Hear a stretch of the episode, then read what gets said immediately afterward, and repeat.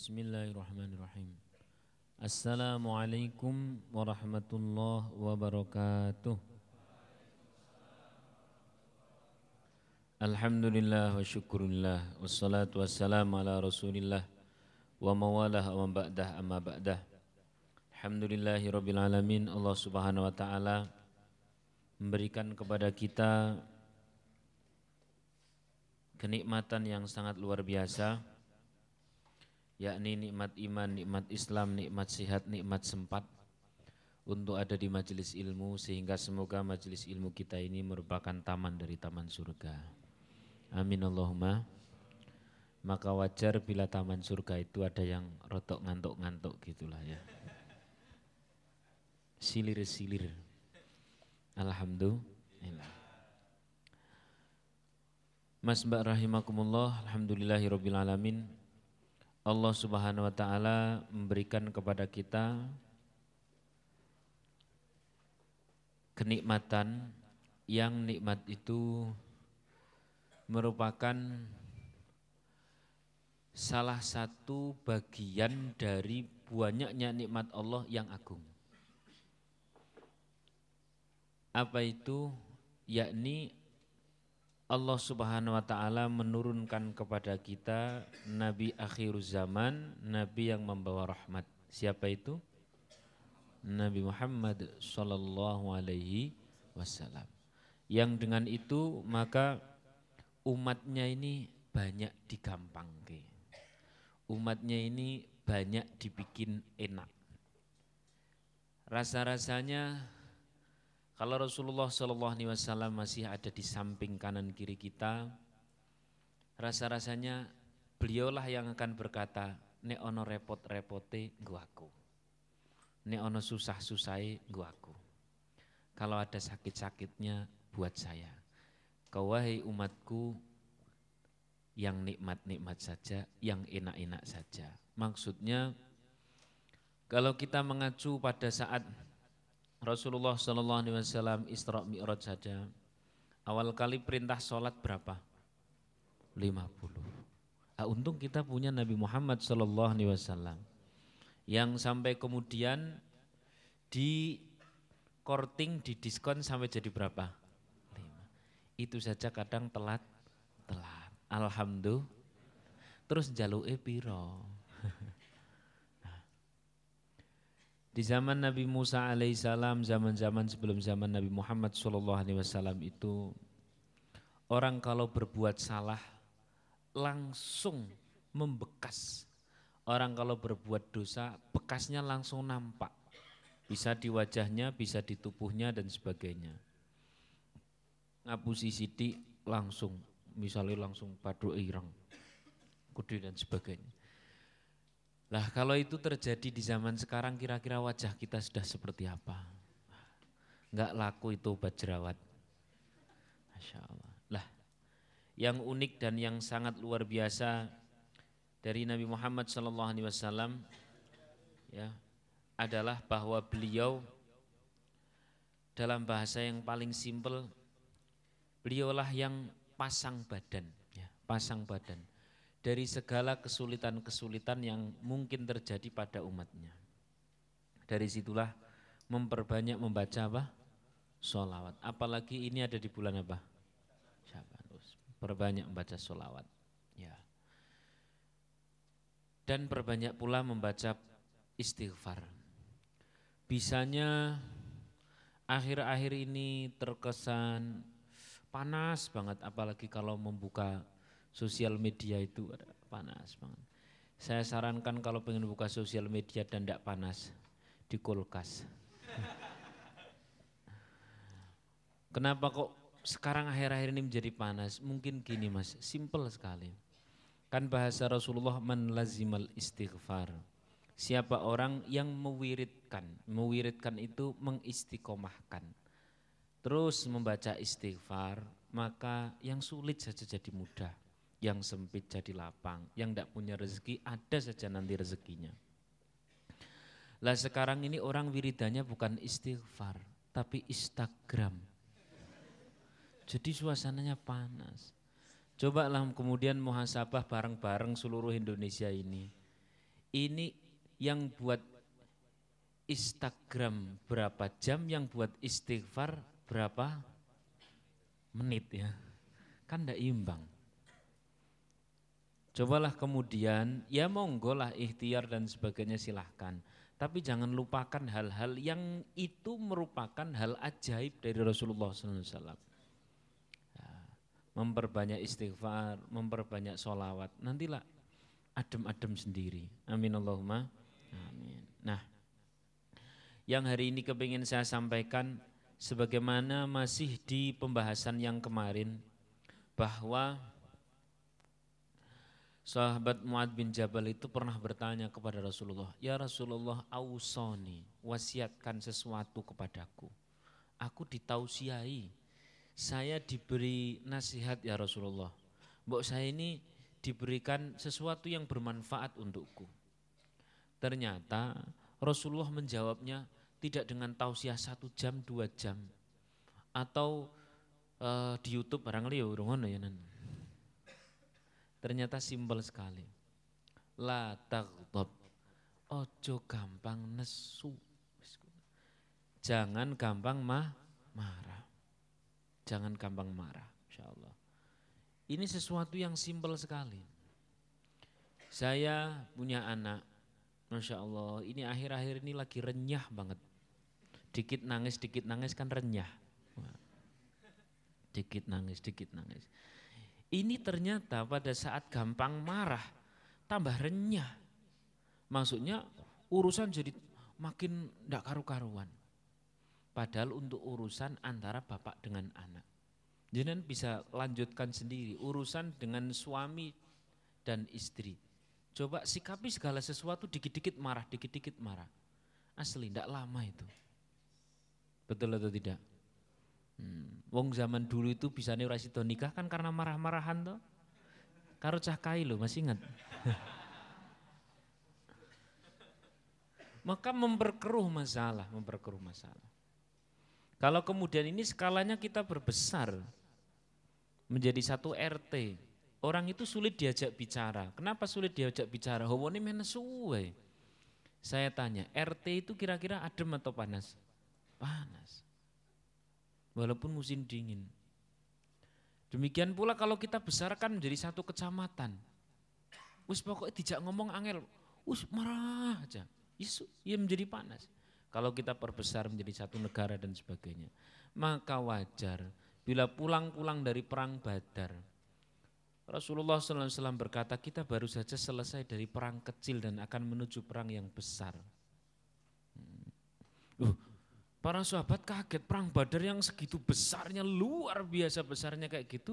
Loh kok dikatakan perang kecil menuju perang besar? Memang ada yang lebih besar sahabat bertanya.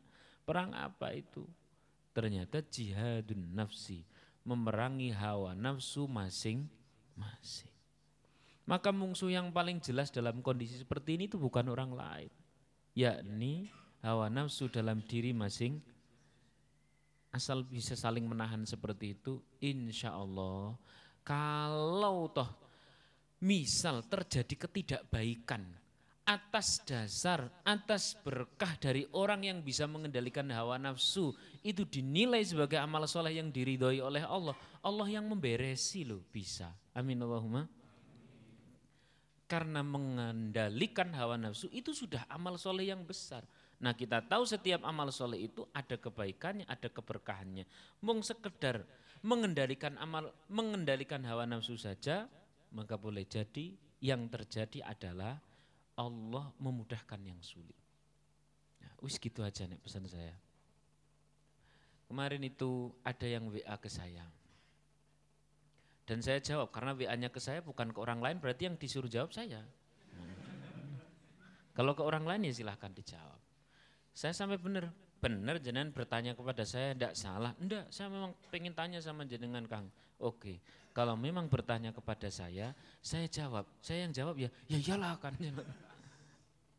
Dia bertanya begini, gimana Kang caranya untuk akhir-akhir seperti ini membela agama Islam?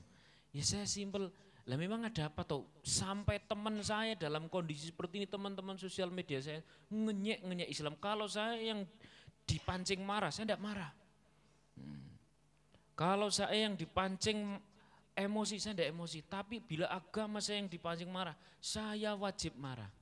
Lah saya tanya, saya disuruh jawab enggak kok panjang terus enggak leren-leren. ya jawab jawab silakan. Sebagaimana yang kemarin sudah saya sampaikan, pada saat Islam dihina itu, yang wajib marah atau meluruskan hinaan itu? Marah atau meluruskan hinaan itu? Ada yang menginjak misalkan, yang wajib itu marah atau kita menaikkan? Menaikkan, bukan marahnya. Marah itu hanya satu dari sekian banyak metode. Itu pun kondisi lah. Nanti dulu. Masih banyak sekali cara bagaimana ada orang gini kan, maka yang wajib kita marah atau gini kan, gini kan benar. Paham kan maksudnya? Jangan salah persepsi lah. Masa marah itu wajib gimana sih? Ya terus gimana caranya? Nah, kemudian saya jawab pakai ngaji hikam yang kali ini kita mau bahas. Hmm. Ya, terus bagaimana? Ya sudah, cobalah jenengan benahi sholat, sampai sholat di luar sholat. Masih paham ya sholat di luar sholat ya? Orang sholat itu kan anteng hatinya, betul atau tidak? Ya, anteng hatinya. Di luar sholat, jaga keantengan hati itu. Paham ya maksudnya ya? Nah. Terus kemudian itu temenmu yang katanya menghinamu itu cobalah disenyumi, diperbuat baiki. Kadang-kadang orang itu berbuat buruk cuman karena mungkin ngeleh Lu kan kita tidak tahu, asli. Atau mungkin butuh jodoh kan ya. Dadi awone marah dan Maksud saya, cobalah kau berbuat baik semampu yang jenengan bisa lakukan lillahi ta'ala. Uh, tapi dia berbuat buruk. Lah saya tanya, berbuat baik yang nyatet siapa? Ya Gusti Allah, ya sudah, berbuat baik saja.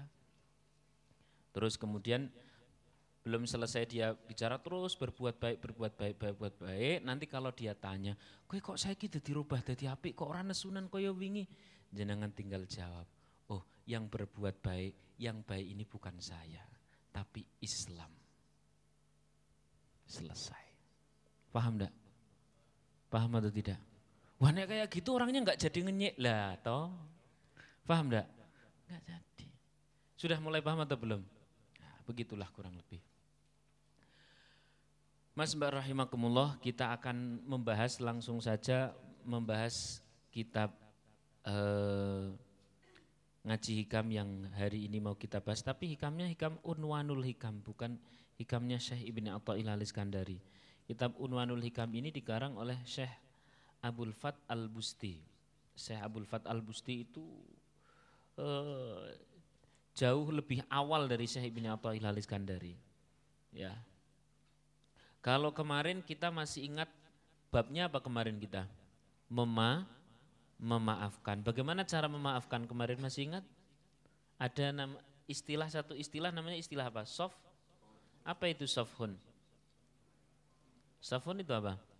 Memberikan makna. Masih ingat ya? Sofhun masih ingat tuh sofhun? Kita didolimi sama orang lain.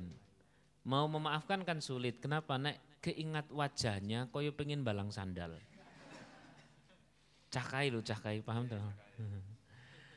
Nah, kita sulit sekali memaafkan. Kenapa? Kalau keingat ucapannya, nangati ki celekit gitu. Lalu bagaimana memaafkan itu menjadi mudah? Simple ternyata. Yakni dengan satu kata softphone. Softphone itu framing memberikan bingkai ulang, makna ulang dengan makna-makna yang masih ingat? Saya belum akan melanjutkan untuk yang hari ini sebelum yang kemarin diingat-ingat dulu. Memberikan bingkai ulang, memaknai ulang, kalau dalam bahasa-bahasa orang barat namanya reka ulang lah ya, reka ulang kognitif. Tapi kalau di sini namanya adalah memberikan satu makna dari sebuah kejadian dengan makna yang hakiki, dengan makna yang sebenar sebenarnya. Pada saat kita dinakali, didolimi oleh orang lain, kemudian kita maknai kedoliman itu sebagai sesuatu yang menyakiti, ya benar kita sakit. Dan sulit memaafkan. Dan akhirnya tidak dapat men, tidak mendapatkan keberkahan, fadilahnya, keutamaannya orang memaafkan. Padahal besar. Al-kadhiminal ghaidha wal 'afina 'anil nas itu menjadi salah satu dari nama-nama surga. Jadi nama surga di sana ada surat masuk pintu sodakoh, masuk pintu ahli puasa, masuk pintu ahli uh, sol, ah, masuk pintu ahli sholat dan sebagainya. Dan ada satu pintu al-kadhiminal ghaidha wal 'afina 'anil nas. Pintu itu bernama memaafkan orang lain. Untuk menuju pada memaafkan ternyata tidak mudah. Bagaimana agar mudah? Kemarin kita membahas namanya apa kemarin? Sofon. Sofon itu kalau dibuka dalam kamus itu artinya adalah memberikan bingkai, melaminasi, mer, mene, sing zaman gampang saya gampang itu meragi, meragi, tahu ya? Merup, meragi, tahu ragi? Ragi itu fok, apa? Fungsinya apa? Pokoknya ngerubah lah ya, ngerubah lah ya. Dari pokoknya dirubah dikit, lama-lama semuanya menjadi terubah semua. Nah, maknainya sebagai apa kalau kemarin? Ada orang misalkan mengucapkan kata-kata buruk sama sampean mas atau membohongi sampean atau menipu saat penjenengan berdagang. Kalau itu dimaknai hanya sebuah sesuatu yang menyakitkan ya sulit memang memaafkan. Kita kita nggak jadi eh, mendapatkan fadilah orang memaafkan. Ketika orang tersebut mengkhianati, sudah berjanji mau menikah sama sampean ternyata menikah sama teman sendiri. Dengan yang lebih jelek lagi. Jangan mendapatkan undangan VIP. Wah, komplit. Ikan wis pol-polan toh. Itu corono bagia kan layak lindes layak lindes. Nah. Benar bahwa kalau itu yang kemudian kita maknai adalah seperti itu tok, sulitlah kita mendapatkan kata maaf. Hati rasanya moh banget memaafkan. Nafsu itu sulit sekali terkendalikan. Kenapa? Karena kita tidak memaknai sebuah kejadian dengan makna yang hakiki. Apa sih makna hakiki? Makna hakiki itu simple. Segala sesuatu itu pasti terjadi untuk kita bila memang hal itu sudah ditulis oleh Allah Subhanahu. Itu orang-orang lain itu dalam kehidupan diri kita masing-masing itu bagaikan ya apa ya tokoh sajalah. Enggak ada orang itu juga memang lagi wayahnya ada datang musibah dan sebagainya. Sehingga wong kuwi iki jane ya salah ora salah. Cakai lho, paham ya? Salah ora salah memang mau diterjadikan. Untuk apa? Oh, banyak sekali manfaatnya. Setiap manusia itu pasti digosok dengan ujian. Tidak ada yang tidak. Ada ding, wong edan. itu insya Allah tidak diuji lagi. selagi kita masih waras dan selagi kita masih hidup di dunia pasti ada ujian. Mengujian itu kan masuk langsung Gusti Allah kan ya ndak toh. Mesti lewat hamba-hamba yang lain. Lah hamba-hamba yang lain ini hanya merupakan wasilah saja. Maka jangan benci orang tersebut. Nah ini makna yang paling simpel. Makna lebih dalam lagi kemarin kita sudah terangkan. Bahwa misalkan orang menggunjing kita ternyata orang tersebut adalah orang yang membantu membersihkan dosa. Lo kan matur suwun banget. Kita punya rumah dibersihkan aja matur suwun. Jenengan punya sepeda motor mas. Wah diresiki konconi seneng ndak? Seneng. Apalagi cucian yang sudah tiga minggu itu. Seneng banget kan. Tiba-tiba dicucikan aja. Uh, seneng banget.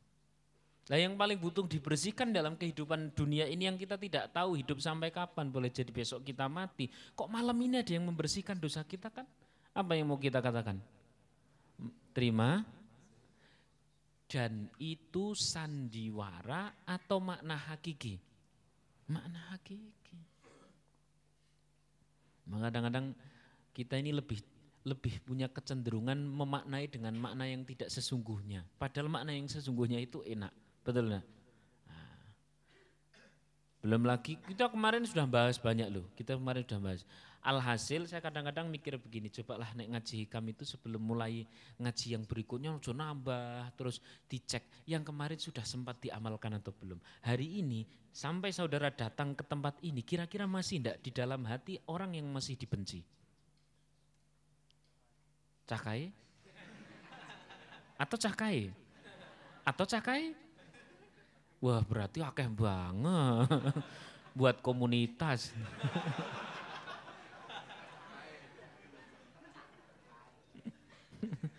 Yo, gitulah ya Allah. Masa iya mas? Sudah ikut hijrah sudah ikut taubat ikut kajian ke sana kemari. Kalau adi edwi lu orakur iki terus piye? Sholatnya setiap hari senyum sama temen aja ndak bisa ya Allah. Gimana coba? Hmm. Ya Allah, apalagi mas, saya sarankan banget ini sifatnya saya sarankan kita teman. Benar. Masya Allah. Kalau toh mau menyalahkan orang lain, kepeksa kudu mengatakan salah kepada teman. Kepeksa kudu mengatakan salah kepada seorang. Jangan berlebihan. Salah gitu aja. Dia menurut jenengan dia gimana? Yo salah. Selesai. Nggak usah sampai di Fir'on Fir'on ke. Nggak usah sam, sampai kemudian di Abu Jahal Abu Jahal ke. Di jahiliyah jahiliyah ke. Ah, ngono ya ngono tapi jangan ngono-ngono banget lho. Paham enggak? Udah biasa salah gitu aja selesai wis. Oh jeru-jeru. Di dalam Sahih Muslim itu ada satu kisah sedikit lah kisah sedikit. Ya, luar biasa. Ada orang sujud. Sujud, ya. Sujud. Sujud itu kan dur-during ibadah kan betul ya? Tinggi-tingginya ibadah. Lalu kemudian kepalanya keinjek sama seseorang, kepalanya keinjek. Jret. Itu kan wis pol parah itu. Hah? Wis pol parah itu. Wis kurang dolim apa coba lah bahasanya. Kan begitu. Lalu kemudian ini orang yang bersujud, begitu selesai, begitu selesai dia langsung mengumpat dengan umpatan yang berlebihan. Eh engkau saya ini sedang bersujud kepada Allah, Rabb Tuhanku. Kau menginjak kepalaku, maka tidak mungkin diampuni engkau dosanya. Nah begitu mengumpat dengan umpatan yang berlebihan seolah menjadi wakil Gusti Allah. Wong Gusti Allah itu mengikrarkan diri sebagai Al-Ghaffar kok orang diampuni piye. Kan betul enggak? Ternyata saat itu, itu zaman di zaman sebelum zaman Nabi Muhammad SAW, berarti kisah-kisah sebelum itu ada seorang nabi yang masih hidup dan memberikan kabar, wahai nabi Allah, kabarkan kepada orang yang baru saja sujud dan keinjek kepalanya, kabarkan bahwa jangan berkata kepada orang bahwa Allah tidak memaafkan. Allah itu maha pengampun kok. Gusti Allah seluas-luasnya rahmatnya. Allah itu sebesar-besarnya pengampun. Manusia mau seperti apa saja Allah bisa mengampuni saking luasnya ampunan. Loh kok ini ada orang yang mengatasnamakan nyatut namanya Gusti Allah nggo gawe ngelek-elek wong liya bahwa orang tersebut tidak diampuni dan kabarkan sekalian bahwa sujudnya tidak terima karena mencatut mencatut itu bahasa Indonesia apa ya? Ah, mengetek. ya, begitulah. Mengatasnamakan Gusti Allah ya mengatasnamakan Gusti bahwa orang tersebut tidak tidak diampuni padahal Allah sendiri mengampuni. Maka dosanya mengumpat ya, dosanya mengumpat. Tidak cukup ditambeli dengan pahalanya sujud. Sebab mengumpatnya mencatut namanya Gusti Wong Gusti Allah ki mau pengampun bisa-bisanya ada orang mengatasnamakan Allah tidak mengampuni. Wong Gusti Allah itu mengikrarkan diri kok. Al-Ghaffar, Al-Ghafur. Betul? Maka Mas, hari ini nek kepeksa mau menyalahkan orang lain katakan salah. Oh, salah ngono cukup wis. Ora usah jeruk-jeruk. Uh, Fir'aun. Wah, jangan. San, san, jeruk-jeruk lah kaya wis soleh banget dhewe iki. Insyaallah kita ini dibuka aib kita ini, wah wis ora regone, betul enggak? Ya Allah. Dan begini Mas, setiap orang itu punya proses, betul enggak? Coba lihat kita yang kemarin, kelakuan-kelakuan kita yang kemarin-kemarin, ada yang wagu-wagu enggak? Maka ketika melihat orang lain sedang wagu, yo cuti wagok-wagok oke lah. Kita juga wagu. Wis proses mengalami. Wong saya ini misalkan cerat pulang dari masjid tiba-tiba sudah lah yang ngonyo nyala ke sok sak komplite komplit ustaz bid'ah tekan ngendi-ngendi tekan ngendi saya cuman mm, koyo aku mbiyen. Ngono selesai? Maklum kan begitu. Ada saatnya orang tidak matang dan ada saatnya mulai matang walaupun sampai hari ini tidak matang-matang you know. Paham nggak? Masa jangan berlebihan lah, asli jangan berlebihan. Berlebihan. Ya. Understand ya? Ya. Nggak usah tekan. Dan ketika dimarahi orang dan sebagainya enggak usah sampai sampai ke hati enggak usah lah, biasa saja. Dah. Bismillahirrahmanirrahim ini pelajaran kemarin ya, jangan sampai di dalam hati kita masih ada orang yang tidak termaafkan. Apa nih? Sepiro gede nih si salahnya, sepiro gede nih kok. Terus ada lagi yang update status. Aku di, diuji dengan ujian yang sangat berat. Update status terus ngisori beratnya apa? Uh melebihi para nabi. Wah lagi berat. Oh juru-juru lah. Koyo-koyo ini paling susah sak donyo. Udah, usah. Biasa aja. Ya Allah. Mungkin kopi ini kurang kental. Aduh, ya Allah ya Rahman. Jangan jangan jangan berlebihan, jangan berlebihan. Insya Allah. Bismillahirrahmanirrahim. Wa kun 'ala dahri mi'wanan lidhi amalin yarju. Jadikan engkau ini bisa menguasai waktu. Maksudnya mengatur waktu begitulah ya. Mengatur waktu Wakun ala dahri, jadilah engkau orang yang bisa menguasai waktu, mengatasi alat dari ala itu di atas berarti waktu itu di bawah, alias kita bisa mengatur waktu. Untuk apa? Mi'wanan lidhi amalin yarju. Untuk memberikan pertolongan orang-orang terutama yang mengharapkan. Ada kata-kata terutama kenapa? Karena yang tidak mengharapkan pun tolonglah. Nadaka fa innal hurra mi'wanu. Ketahuilah bahwa orang ma manusia yang merdeka, ketahuilah bahwa manusia yang merdeka adalah manusia yang kalau mau nolong tinggal nolong. Tidak pakai syarat. Aku gelem senyum karo dee, tapi dee merengut kok. Nah, ini namanya orang terpenjara. Dia tidak merdeka untuk tersenyum. Mensyaratkan senyumnya untuk orang yang sesama orang tersenyum. Ya kalau mau terus tersenyum gampang.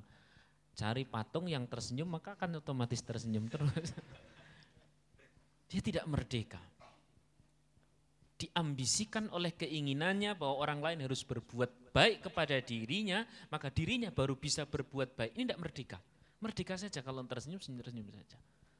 Paham tidak? Ya. Ada sebagian yang lain lagi kalau mau sodakoh kepikiran, uh iki kan kenunggu gawe tuku paketan. Maka dirinya dipenjara oleh paketan. Padahal sebelum beli paketan, mati bisa enggak? Bisa. Maka kalau mau melakukan kebaikan, lakukan saja yang merdeka saja. Siapa manusia yang merdeka? Manusia yang merdeka itu ketika dirinya melakukan amal soleh, tidak pakai syarat macam-macam. Lakoni, lakoni baik. Understand? Kadang-kadang kita ini mau meluangkan waktu untuk nolong orang lain, syaratnya terlalu macam-macam. Ada orang yang saking sibuknya dipenjara oleh keinginannya demi keinginannya, ambisinya demi ambisinya, sampai waktu itu sedemikian sibuk banget untuk meniti karir yang sangat luar biasa. Padahal tidak tahu kalau orang tersebut mungkin matinya tidak akan sampai pada saat karir itu telah sampai. Insya Allah. Maka terus bagaimana? Simple. Ketemu siapa saja, piye pen nganrong mal soleh. Paham ya? Nah, tapi tetap pakai adab mas. Wah saya tuh karena ketemu yang cantik-cantik jadi saya senyum-senyum. Terus ya jangan tidak usah mensyaratkan tidak usah mensyaratkan. Insya Allah tidak usah mensyaratkan. Sampai-sampai Allah Subhanahu wa taala memberikan banyak sekali janji-janjinya.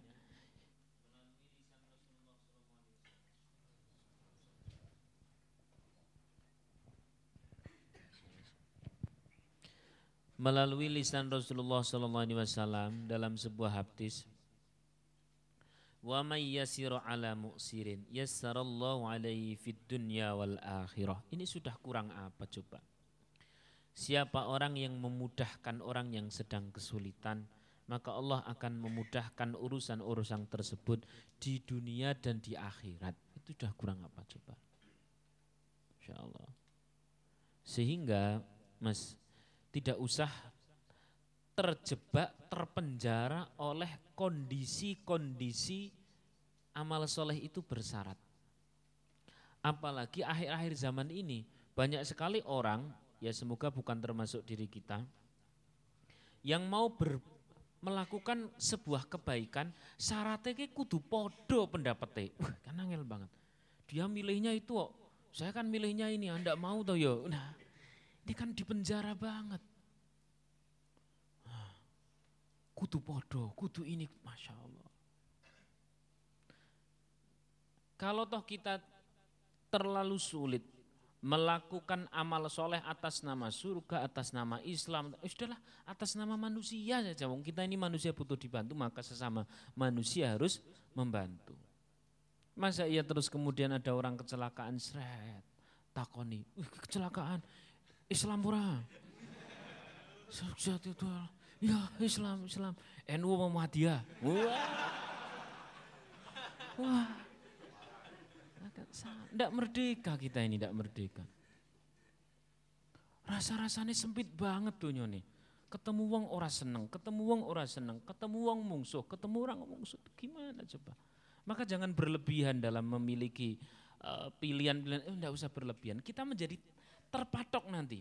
Nanti benar-benar akan terpenjara amal soleh kita. Uh, aku sih iso ini ya tapi kayak beda kok aneh terpenjara. Padahal tidak ada yang kebetulan. Orang lain didatangkan kepada kita pada saat orang lain membutuhkan sesuatu, bukan kebetulan. Barangkali itu hanya merupakan wasilah bagaimana Allah yang akan memudahkan urusan kita.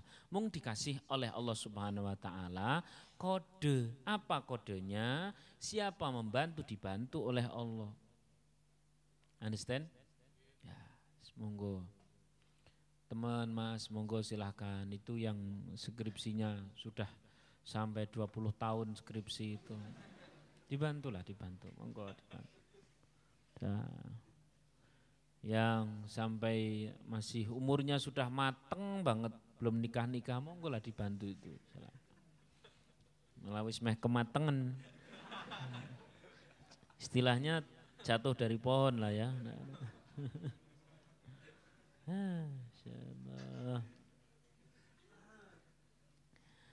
Bismillahirrahmanirrahim. Ahabbul a'mali ilallahi ta'ala sururun tudkhiluhu ala muslimin. Ya. Wa fi riwayatin ba'dal faraid. Amal yang paling dicintai oleh Allah setelah amal-amal fardu, berarti setelah amal-amal fardu adalah idkhalus surur fi qalbil mu'min idkhalus surur, idkhalus surur, idkhal itu memasukkan surur itu ke kelegaan, kebungahan. Alhamdulillah, gitu, gitu kurang lebih, lego. Jadi sopo-sopo wonge Mas ketemu jenengan ke lego, ora sepet. Paham ya? Ketemu jenengan ke lego. Nah, ketemu jenengan ke lego. Weruh jenengan ke wes lego banget, lego. Hari ini kan orang saling bertemu, saling sepet. Kenapa? Ketika tidak bertemu saling ngerasani. Begitu bertemu minal sepetin. Sepet bahasa Indonesia ini apa ya? Nek nek nek gitu. Hmm, jangan. Kenapa? Karena pada saat berjauhan itu saling menggunjing, entah itu menggunjingnya online atau offline, sehingga begitu ketemu, wong ketemu wonge we urung, sudah ada benci coba ketemu pirang perkara kaya. Wong ketemu aja enggak pernah, tapi sudah ada benci coba di sini. Itu kan Masya Allah ya kurang gawean banget. Asli hidup ini untuk melakukan amal soleh saja kurang waktunya. Kok sempat-sempatnya membenci orang. Hidup ini terlalu sempit untuk mencintai mas. Kok luang-luangnya membenci orang. Understand? Sing terakhir kena gue update status Mayan. Asli. Ya Allah. Luang-luangnya kok sampai kita membenci orang. Coba nanti sampai rumah masing-masing. Mirikilah ketika orang melihat sampean itu bunga lah. Simple. Ini beberapa teman-teman yang sering mendampingi saya pulang ke rumah dan sebagainya. Masya Allah. Ini bila sumah walaria.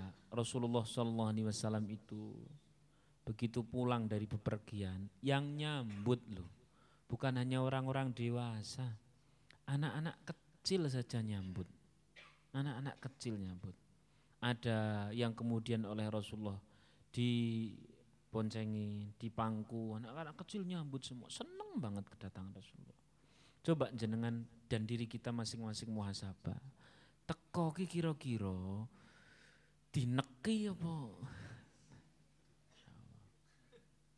Coba. Ya Alhamdulillah. Maka ya memang barangkali itu mudah ketika tidak terjadi apa-apa. Tapi kalau sedang terjadi apa-apa, karena kita ini untuk membahagiakan orang lain ini bersyarat menjadi sulit. Menjadi sulit. Padahal justru al-ajru biqadri ta'ab. Pahala dari Allah Subhanahu wa taala itu bergantung seberapa besar, seberapa berat kita melakukannya. Kalau kita tersenyum kepada orang yang tersenyum kepada kita, ya ringan, itu memang sudah seharusnya. Cobalah tersenyum kepada orang yang merengut. Paham ya? Nanti kalau sudah punya istri insya Allah bisa praktek mas. Sementara ini ya cermin-cermin atau apalah. Nek cermin otomatis ya. Ya Allah. Ya, dan tidak punya kesempatan lagi kita untuk membenci orang lain. Wa innama yarhamullahu kata Rasulullah sallallahu alaihi wasallam sesungguhnya Allah Subhanahu wa taala itu memberikan rahmat, memberikan kasih sayangnya untuk siapa? Min ibadihi ruhama. Memberikan kasih sayang kepada orang yang hatinya ada kasih sayang. Maka di beberapa literatur Islam itu yang disebut ulama itu adalah yakhsyallah. Manusia-manusia yang takut kepada Allah. Itu kata kunci. Nomor dua, ada dua kriteria ulama. Yang pertama takut kepada Allah berdasarkan ilmunya. Ya. Yang nomor dua, wa yang durunal ummah bi'ainir rahmah. Melihat umat itu dengan kacamata kasih sayang melihat umat dengan kacamata apa? Kasih sayang. Jadi umpamane nang kono kepaksane nang kono wong maksiat sekalipun siangnya diingatkan, malamnya didoakan. Ya Allah, orang-orang itu kasihan banget ya Allah kok belum tahu tentang fadilah sholat? Ya Allah besok saya nasihati sebisa saya ya Allah. Namun malam ini saya doakan semoga engkau mendatangkan hidayah engkau kepada orang tersebut. Lah besok saya tinggal bilang. Terus kemudian didatangi maka ada istilah-istilah kalau eh, dakwahnya orang-orang dulu itu tidak tidak melulu pegang mic. Ada yang mungkin malah ikut nongkrong nang itu loh yang buat keplek itu apa namanya? Hah? Ya pos kampling gitu ya. Ya pos kampling kan simpel toh. Dari gini terus digini kan udah selesai.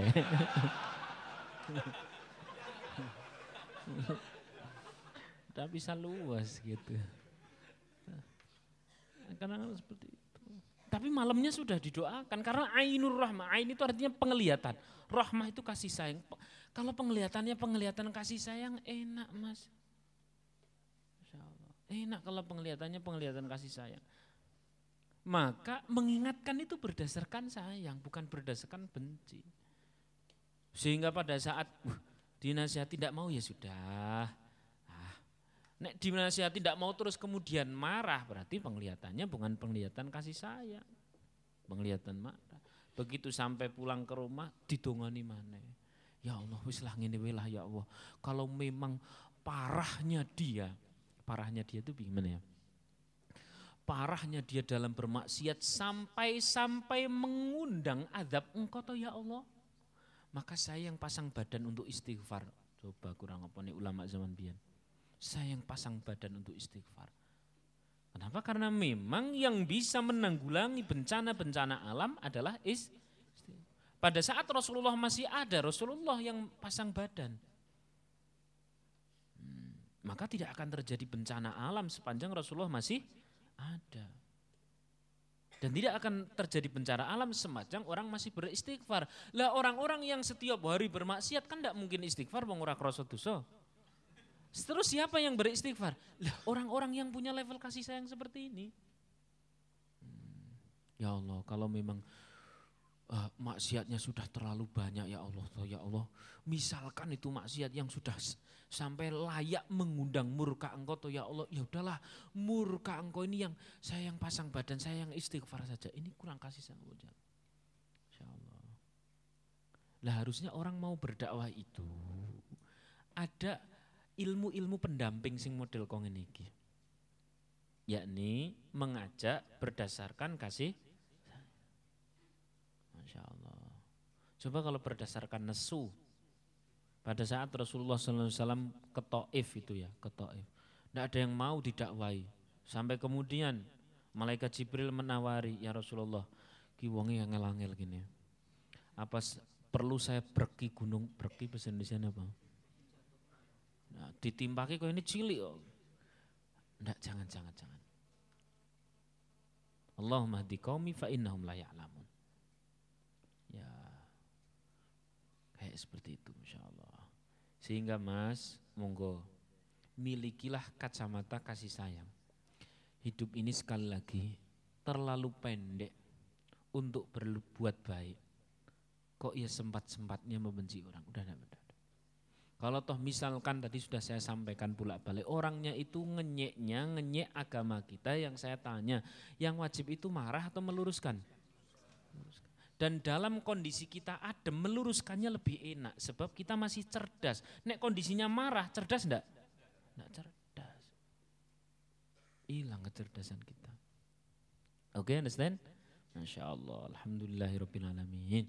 Untuk hari ini dilalah, Nyun Sewu mohon maaf, badan saya rotok kemertek sehingga tidak sampai jam 9 enggak apa-apa. Kita butuh istirahat.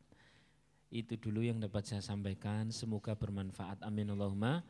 Jadi orang merdeka adalah orang yang berbuat baik tanpa syarat. Orang yang kalau mau berbuat baik mensyaratkan orang lain berbuat baik, maka orang tersebut namanya orang di penjara. Orang yang mau sodakoh tapi khawatir miskin berarti dia di penjara. Orang yang mau memaafkan orang lain tapi masih pakai syarat ini itu dan sebagainya namanya orang di pen, di penjara oleh egonya, oleh nafsunya dan sebagainya. Insya Allah. Yang merdeka saja, berbuat baik, berbuat baik saja. Kenapa hidup ini terlalu pendek untuk berbuat baik? Kok ya sempat-sempatnya sampai berbuat buruk? Tidak sempat lah, ya sini tidak sempat. Silahkan nanti dipraktekkan mas, dipraktekkan ke lingkungan panjenengan masing-masing. Minimal keluarga itu merasakan. Iki ke, kayak ponaanku ke ngaji apa to yo. Didik-didik ngei lawo. Sidik-sidik ngasih nasinya tok. Nah, dikit-dikit tiba-tiba tersenyum ke sini dan sebagainya dan sebagainya. Bingung, mau ngaji apa toh? Oh ternyata memang sudah paham bahwa memang Masya Allah hidup ini terlalu pendek untuk melakukan kebaikan. Sampai-sampai Gusti Allah ini heran kepada orang yang tetap tidak mau berbuat baik. Herannya bagaimana bahasa bahasa Allah? Hal jazaul ihsani ilal ihsan. Apakah engkau ini masih ragu bahwa kebaikan berbalas kebaikan? Kok malas men, kok pakai syarat ini itu dan sebagainya? Udah lakukan, lakukan saja. Termasuk teman-teman kantor dan sebagainya. Tapi Ustadz wong kaya aneh dan sebagainya. Kan kemarin sudah saya kabari bahwa di setiap populasi itu ada bocah tua nakal. dalam satu komunitas memang kudono menuso siji sing dirumat bareng-bareng. ya dirumatan lah. Barangkali orang ini adalah produsen amal soleh untuk kita semua. Paham enggak? Jadi yang memproduksi itu pokoknya orang tersebutlah yang membuat kita mempunyai pahala bernama sabar. Andai kan tidak ada orang itu kita tidak dapat pahalanya maka matur suwun saja. Di setiap populasi ada populasi komunitas ada. Uh manusia sing wah masya Allah. Ya soleh lah gitu aja. Dalam tempat kerja juga ada seperti itu. Ya istilah saya sih tadi itu bocah tua nakal lah ya. Ya sudah, tidak apa-apa. Barangkali orang tersebut memang terus akhirnya aku sengojo kok ngene iki pen sampean amal soleh oke. Yo yo yo yo yo. Ya, ya, ya, ya, masya Allah mas, mas. Kita ini benar tidak tahu matinya kapan. Asli tidak tahu matinya kapan. Khawatirnya pas lagi jengkel-jengkelnya masa sama seseorang mati gitu loh. Ya Allah. Pas lagi emosi-emosinya mati gitu loh. Padahal urung bojo. Wah, repot kan? Masya Allah. Ya gitu ya. Maka cakai dimaafkan ya. Sudah paham kan cakai? Nah, sudah gitu. Nah, hari ini tinggal naik ketemu, apalagi sebentar lagi bulan syawal lah ya, Masya Allah. Ketemu kono wis dua anak loro gitu dah. biasa saja, biasa saja. Ku maafkan dirimu gitu aja wis pokoknya. Alhamdulillah. Enak nikmat nikmat. Habis itu fokuslah terus berbuat amal soleh, terus berbuat baik dan sebagainya. Kalau ada yang masih merasa keberatan, saya itu keberatan Ustaz. Kalau saya di, digunjing, dicaci, dimaki, saya merasa keberatan, keberatan, benar keberatan. Oh berarti ada sombong di dalam hati diri kita. Kita kan tinggi, ada orang yang merendahkan, tidak terima berarti kita merasa tinggi. Maka rendahkan serendah-rendahnya. Bagaimana merendahkan serendah-rendahnya? Simple, ingatlah dosa masing-masing iya yo aku ke waku. Tahu ngelakon itu sosing waku waku waku waku. Maka nek mung paling diomong kok ngono ah ora krasa ora krasa tak ngapura tak ngapura amin Allahumma. Simpel. Simpel banget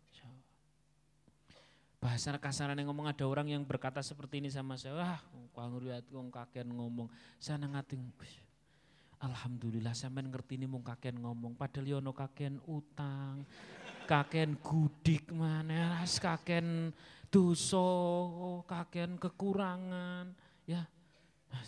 Masya Allah. Paham enggak? Ya. Ada yang orang berkata, "Uh, kowe iki ustaz tapi ustaz bodoh hapus sama anda ngerti saiki piye." Maksud saya udah bila kita ada kesombongan, memang sakit nanti, sakit nanti kalau di, di, dihina orang. Tapi pada saat kita benar-benar ya Allah, kita ini orang ngerti sesuk mati apa orang orang ngerti mana nasib kita di hadapan Gusti Allah di ngapura atau ndak dosanya. Dah, dah. Tapi Ustaz saya kan masih muda, jangka saya masih panjang. Iya karpe kan kongono kuwi. Tapi sapa ngerti mati nih kan ya?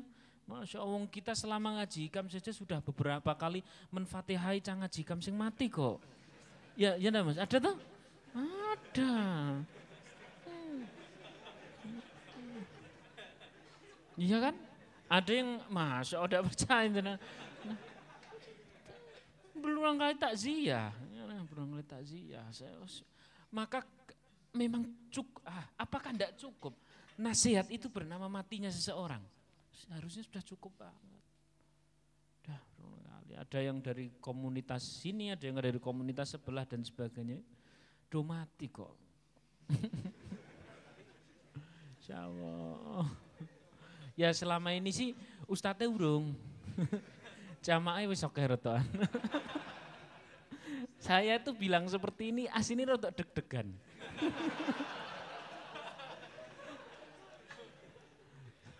Maka laki-laki mas, jangan punya benci jangan punya dengki. Kita tidak punya waktu untuk melakukan itu. Tebarkan kebaikan, tebarkan kemanfaatan, cinta dan kasih sayang, senyuman, berikan kepada orang lain. Tanamlah kebaikan di tempat di mana kita berada.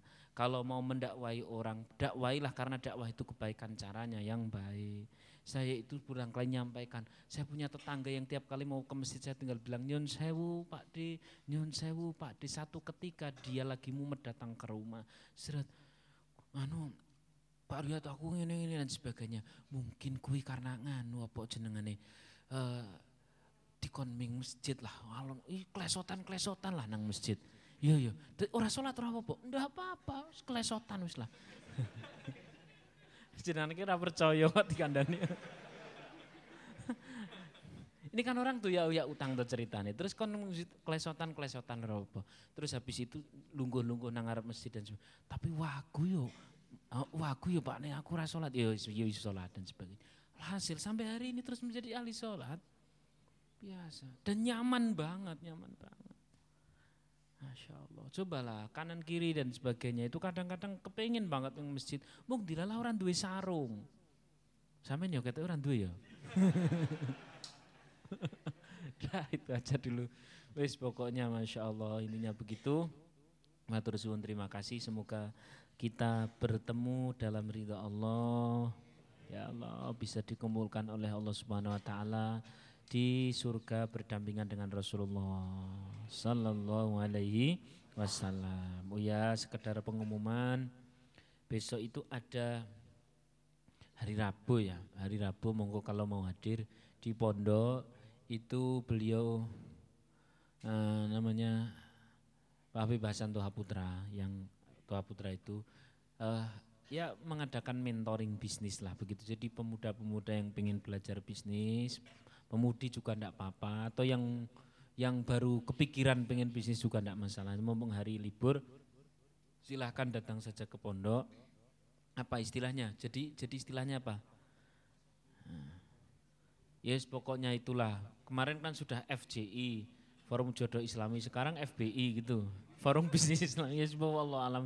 Monggo terserah saja, yang penting juga harus mengakomodir teman-teman yang mau belajar tentang masalah bisnis tapi yang islami, yang menebarkan kebaikan. Karena salah satu kalau kita kepingin tahu tentang akhlaknya seseorang, dilihatlah pada saat safir, musafir ya.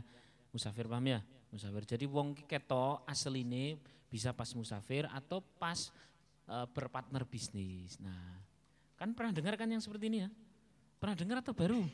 Nah, yes besok-besok nanti terangkan. Gitu ya, matur suwun terima kasih. Semoga nek jenengan besok pas mau masuk surga Thomas, saya ini buat dijawil ini, saya dijawil. Saya tak nunut sampean kabeh. Amin Allahumma. Amin. Itu saja dulu. Mari kita sembari bersodako, sembari beristighfar. Sodako itu tidak harus kecil, yang penting ikhlas. Ya. Tidak harus kecil, yang penting apa? Ikhlas. Tidak usah pakai syarat-syarat juga. Itu, uh, ini minggu itu ku HP. Insya Allah nanti setelah dibuat sodako, insya Allah. Ya tidak punya HP sih. tapi yang punya yang lebih baik. Amin Allahumma. Amin. Jadi tidak usah pakai syarat dah. Itu saja matur suwun terima kasih. Hikam Akbar tanggal berapa? Tanggal 11. Itu di share yang tentang Hikam Akbar itu insya Allah juga acara tahunan jadi semoga bisa bermanfaat. Amin Allahumma. Amin. Mari kita beristighfar sembari bersedekah.